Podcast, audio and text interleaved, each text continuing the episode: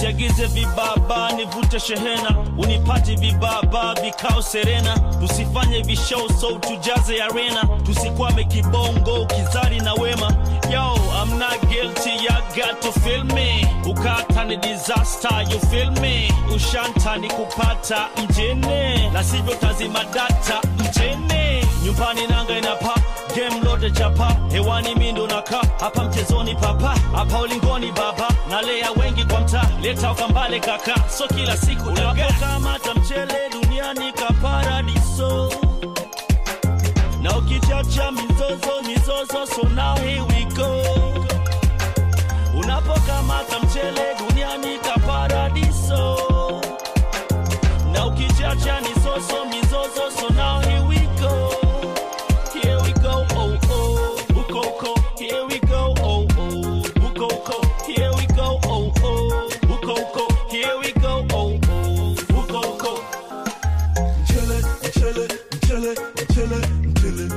Música tanzana, John McKinney John Lunja. Vamos a ir hacia Tanzania, también a Kenia en bicicleta y así es lo que ha hecho Idoya Pagadizábal. Ella es de Irún, aprovecha sus vacaciones para dar rienda suelta a su gran afición cicloviajera. En 2014 recorrió durante tres meses Australia. Pedaleó por el desierto en donde llegó a pasar hambre y sed. Esto nos lo contó en un anterior programa de Levando Anclas, bueno, hace ya un tiempo. Otras ocasiones ha recorrido la carretera austral en la Patagonia, el sur de la India, Filipinas, Kirguistán, Perú, Bolivia. Esta noche nos va a relatar cómo le fue por Tanzania y Kenia. Fueron 40 días de estancia, empezó en Dar es Salaam, en Tanzania, y terminó en Nairobi, en Kenia. Le damos la bienvenida a Idoya Pagadizábal. ¿Qué tal, Idoya? Gabón, buenas noches. Buenas noches a todos.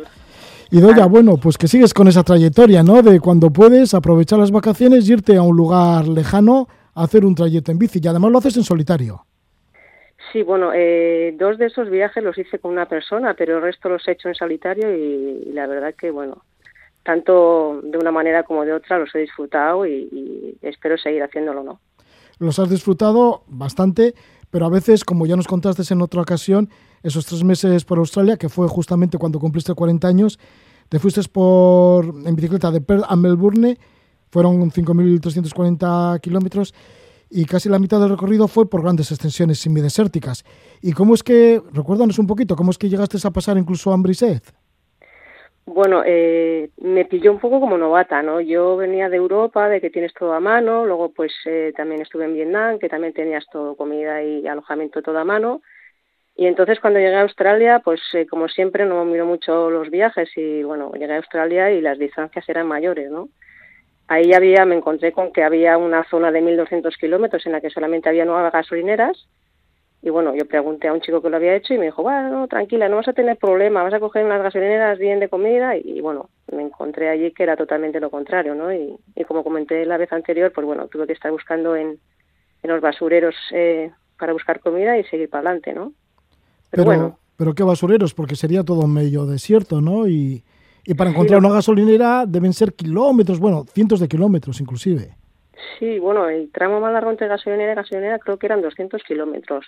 Entonces, eh, pues los camiones y los todoterrenos que cruzaban, pues había áreas de descanso en esos 1.200 kilómetros que aprovechaban para comer y descansar un poquito, claro. Lo que les sobraba de comida ellos los tiraban a las papeleras y pues bueno, pues yo tuve que andar buscando ahí pues para coger energía y seguir pedaleando, ¿no? Porque no tenía suficiente comida, entonces pues bueno, Había no me que, puedo quejar. Sí. ya, había que tener mucha energía porque las temperaturas debían ser de 35 a 42 grados y además no había nada para acobijarte, ¿no? Porque solo había arbustos que no daban apenas sombra. Sí, la verdad que eran unas temperaturas eh, muy elevadas, eh, pues, como has dicho, la mínima de 35 y 42.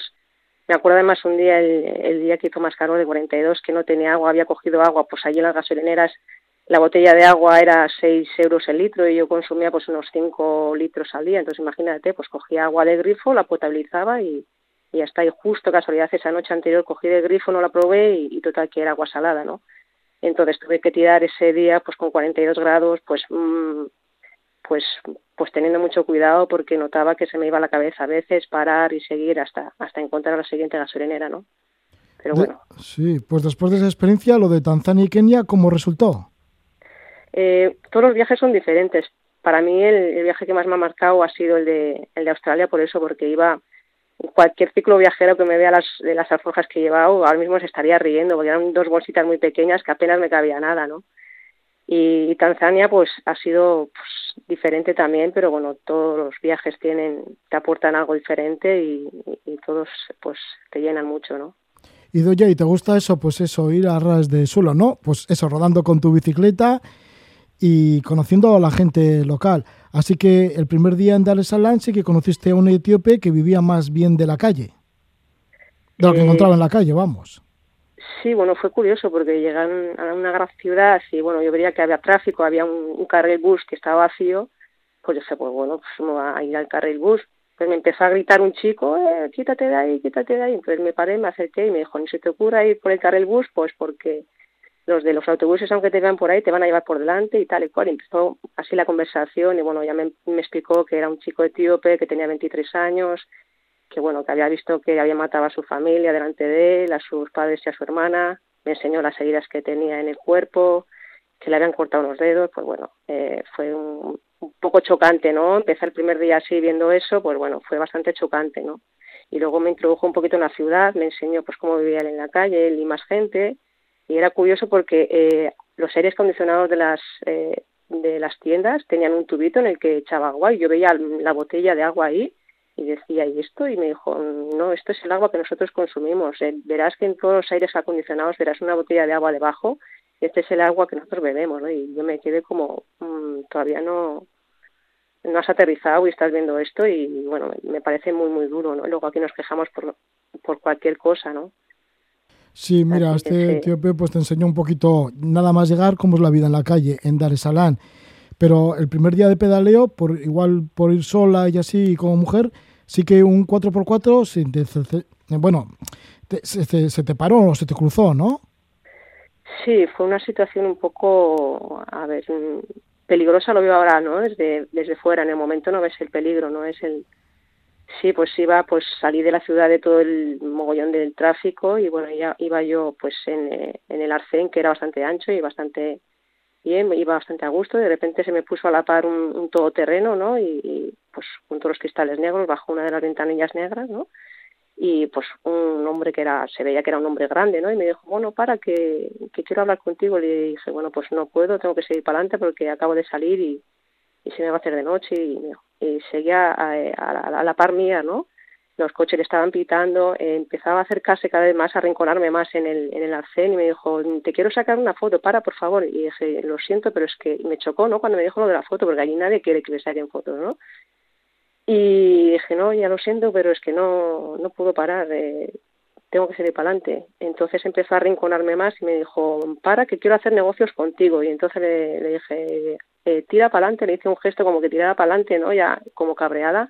Entonces pegó un volantazo, casi me tira la cuneta. Entonces en ese momento en el que freno yo aproveché para salir por la parte de atrás y justo eh, pues vio todo eso, se ve que no sé si era un policía o alguien en moto, le paró y aproveché yo para largarme, pero vamos, eh, vi que, que bueno, que tenía como siempre suerte y, y tiré para adelante, pero empezar el primer día así era como, bueno, eh, esto es otro mundo, ¿no? Ya, y te libraste, ¿no? O sea, que apareció como una especie de ángel de la guarda. Sí, sí, sí. La verdad que entre los viajes tengo siempre ángel, energía o lo que sea, pero algo que me ayuda, ¿no? Y sí, ¿y alguna vez también te has sentido arrinconada en alguno de tus caminos, en otros viajes? Eh, en muchos de los viajes me han pasado situaciones, pues sí, en Kirguistán, que es el que recuerdo también, pues yo no tengo muy buena memoria, pues esas cosas se te quedan grabadas, ¿no? Pues una noche pues acampé cerca de un poblado, les dije a ver si podía acampar cerca, me dijeron que tirara 500 metros y bueno, tiré 500 metros, pero claro, ya me habían visto, estaba montando la tienda y a la noche cuando estaba cenando me vinieron dos chicos, ¿no? Eh, pues eso, pues que querían sexo y tal y cual. Y, bueno, empecé en plan, bueno, eh, pues yo que, llevaba, estaba cansada, que me dejaran tranquila y tal y cual. Bueno, eh, de allí al rato volvieron, eh, empezaron a gritarme, bueno, les eché otra vez de mala leche eh, yo pensé que los, ya los había echado, pero a la una de la mañana, cuando ya estaba ya dormida, pues bueno, eh, noto que vienen unos caballos, la bici que la tenía fuera, eh, me la tiraron sobre la tienda, me despertaron, empezaron a gritar, Entonces salí de la tienda y, y bueno, mm, tuve ahí con ellos una trifulca y nada, empecé a desmontar a la mañana la tienda eh, con la frontal como pude. Bueno, estaban borrachos perdidos, claro está. Y me acerqué más al poblado, ¿no? Y ahí ya pude descansar y nada, y ya tiré, pero bueno, situaciones de estas alguna que otras siempre hay, pero, pero bueno. Sí, me quedo pero- con lo bueno también. Ya, te quedas con lo bueno, ¿no? Porque en este viaje por Tanzania y Kenia sí que has estado en diferentes lugares, pues yo que sé, en tiendas que ibas a pedir algo y te acogían muy bien, has estado con familias, incluso muchas veces te han invitado a pasar en algunas de las casas y, y bueno, pues ha ido todo bien. Bastante hospitalidad has encontrado quizá, ¿no? En Tanzania y Kenia. Sí, sí, la verdad que, claro, allí la gente, los turistas pasan en todo terreno, pero no paran en los poblados, ¿no? Entonces yo trataba de parar allí, de hablar con la gente y, bueno, me acuerdo también, pues lo que comentabas, en un supermercado de entrar a comprar, con un supermercado eh, pequeñito, ¿no? Y, y de acercarse a una chica y decirme, oye, pues quiero hablar contigo, quiero que conozcas a mi familia, pues para ella un, era un orgullo que una chica blanca, que tuviera una amiga que era una chica blanca, ¿no? Me dijo, bueno, cuando cierre luego nos vamos a, a, tomar algo con los amigos. Digo, ya lo siento, pero es que yo mañana voy a madrugar. Y bueno, pues no hubo otra que, que al final fui con sus amigos. Luego de noche lloviendo, pues alquilamos una moto, fui a casa de sus padres que me enseñaron dónde vivían y tal. Y, y la verdad que fue una experiencia, para ella un orgullo el, el tener una amiga blanca. Y, y bueno, pues eh, era curioso, ¿no? Cosas que te chocaban, ¿no? Y que es güey. Sí, sí, Sí, la verdad porque que- también en Mosi estabas paseando cuando se te acercó un chico de una agencia de viajes y te dijo que, bueno, te llevó a su oficina y, bueno, y te comentó de que si querías colaborar para organizar viajes a Tanzania desde aquí. Sí, la verdad que bueno, me vio paseando y, y como a todos los turistas supongo que le ofrecerían pues eso, sus típicos tours al Parque Nacional y, y yo le dije pues que, que yo no andaba en ese tipo de viajes y, y bueno, empezamos a hablar, a hablar y me llevó a su oficina, me, eh, me presentó a sus empleados y, y me bueno, me mandó luego folletos de qué tipo de viajes hacían y la verdad que tenía un, un, negocio muy bien montado, ¿no? En Facebook y bueno, estaba muy bien montado. En aquel entonces yo tenía otra idea de negocio también que luego no salió adelante, pero pero bueno, ahí quedó y, bueno, son cosas curiosas que te pasan, ¿no? Sí, que por poco abres una oficina allí en Mosi. Sí, la verdad es que no te creas, en ese momento estaba convencida y la verdad que, pues bueno, lo vivía, ¿no? Sí, Tenía momentos, ilusión. claro, son momentos sorprendentes, ¿no? Que ocurren en un viaje que igual puede cambiar toda tu vida. O puede cambiar un momento, por ejemplo, encontrarte bailando eh, con un grupo de música en algún lugar así perdido. Y, y bueno, eso sí que te ha sucedido también. Sí, también, pues en otro poblado, ¿no? Pues eh, después de comer, pues salí, siempre me gustaba, siempre me gusta no, no apurar hasta el final con, con la bici, ¿no? Que la bici sea un medio de transporte, pero más que nada para conocer la gente del pueblo, ¿no? Entonces hasta el mediodía, media tarde me gusta parar, descansar y disfrutar un poquito de, de, de la gente del pueblo y pues eso, salí a la calle ya descansada y, y me acerqué y vi que había música y vi a un montón de gente ahí bailando y dije, ah, pues bueno, pues yo también voy a bailar como pueda, ¿no? Y enseguida desde el tablao, pues ya me vio el cantante y pues bueno, en Zungo, que ahí en Zungo le llaman a los blancos, pues me hizo salir a la mitad, eh, pues bailando con el cantante y con, con la gente del pueblo. Y la verdad que pasamos un momento muy divertido y, y, la verdad que, que mereció la pena, sí. ¿Cómo lo hacías para pedalear por Tanzania y Kenia? ¿Que ibas por carreteras de asfalto, evitando el tráfico, por pistas? Sí, bueno, yo trato de ir generalmente por asfalto, ¿no? Porque el irme por pistas mmm, no me daba tanta seguridad, ¿no? Y además en, apenas había tráfico, eh, entonces te respetaban bastante, o sea que tiré por, por carreteras así, porque como tampoco suelo llevar preparado los viajes, dije, bueno, pues si voy por carretera siempre encontraré algún poblado en el que pueda abastecerme, ¿no? Entonces, pues bueno, eh, generalmente suelo tirar por, por carreteras si no hay mucho tráfico, así. ¿Por dónde fue el paso de Tanzania a Kenia? ¿Y hay mucho cambio al pasar de una frontera a otra? ¿De gentes, de paisaje?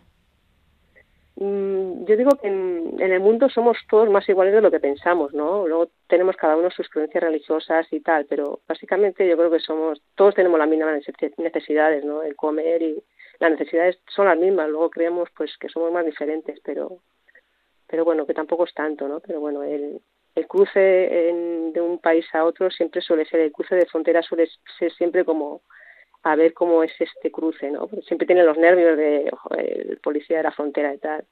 y bueno, para salir nunca tienes problema, pero allí para entrar en Kenia, pues, pues bueno, pues eh, me dieron con la bicicleta de la oficina de, de allí para, para, para dar el sello, me dio la policía y me dijo, yo iba a ir por donde los coches, pero me dijeron la, la policía, bueno, no, ven aquí, deja la bicicleta aquí y tal.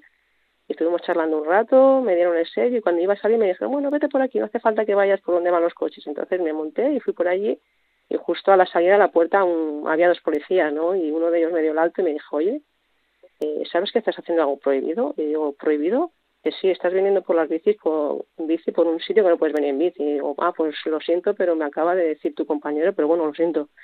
No lo sabía. Me dice, bueno, pues, eh, pues eh, aquí el que mando soy yo, entonces me vas a venir a acompañar y te va a poner una sanción. Y bueno, pues yo no me opuse en, en ningún momento. Dije, bueno, pues, eh, pues vale, pues te, acompa eh, te acompaño. Y, y, en ese momento empezó a hablar, a preguntarme de, de dónde venía, dónde iba, de dónde era y al final en todo esto quedó una, una amistad, ¿no? No me puso sanción y todo. Hoy es el día en el que todavía nos whatsappeamos, ¿no? Es curioso, pero pero sí, sí te pasan cosas curiosas, ¿no? Entonces, pues sí, estas cosas que te pasan fuera de casa son las que al final te dan te dan algo que contar, ¿no? Así que te hiciste amigo de, del policía, amiga del policía. Sí, sí, al final sí, sí, sí, es curioso, sí. Sí. Y luego cruzaste por la región de Sirari. ¿Qué es Sirari? Eh, Sirari, bueno, en, el, en, en, Kenia, bueno, en la frontera de Kenia con Tanzania, de Sirari, ahí crucé la frontera y a los 10 kilómetros, pues me encontré, pues bueno, que estaban de elecciones y me encontré pues con una revuelta, ¿no? Eh, era una recta bastante larga y yo me iba, yo iba avanzando y de repente veo a gente que estaba con, a los metros con machetes, ¿no? Y, y un bastante tumultuoso, entonces eh, me quedé parada a ver cómo, cómo se, se, resolvía aquello y unos que me vieron allí me dijeron, ven, ven aquí, no vayas para allá porque bueno, que era peligroso, ¿no? Entonces de una hora así hasta que se disolvió y, y, pude ir para adelante, pero pero sí que fue otro momento en el que dices, no, ¿Viviste algún momento también con, el, con los animales, ya que estás por Tanzania y por Kenia? ¿El contacto con la fauna salvaje y así? Animales, la verdad es que no vi muchos. Yo realmente cuando me voy de viaje huyo de las zonas turísticas. Entonces el Parque Nacional eh, está allí y que vemos siempre en los documentales de la, de la 2. Eh, pero bueno, yo intento evitarlo y, y, bueno, sí que había una zona en la que cerca de allí ponía animales, cuidado, animales salvajes en la carretera. Y, y por un lado me decía, uy, qué bien, puedo ver animales. Pero decía, ostras, a ver qué animal me aparece, ¿no? Pero bueno, luego no llega a ver más que a un par de cebras news y poco más, ¿no? Pero bueno, no era ese mi objetivo. Si me lo encontraba bien, era un regalo, pero no era mi objetivo en el viaje, ¿no? Y Doya, ¿y siempre dormías en un hotel? Lo que pasa es que en hoteles no para turistas, sino de locales.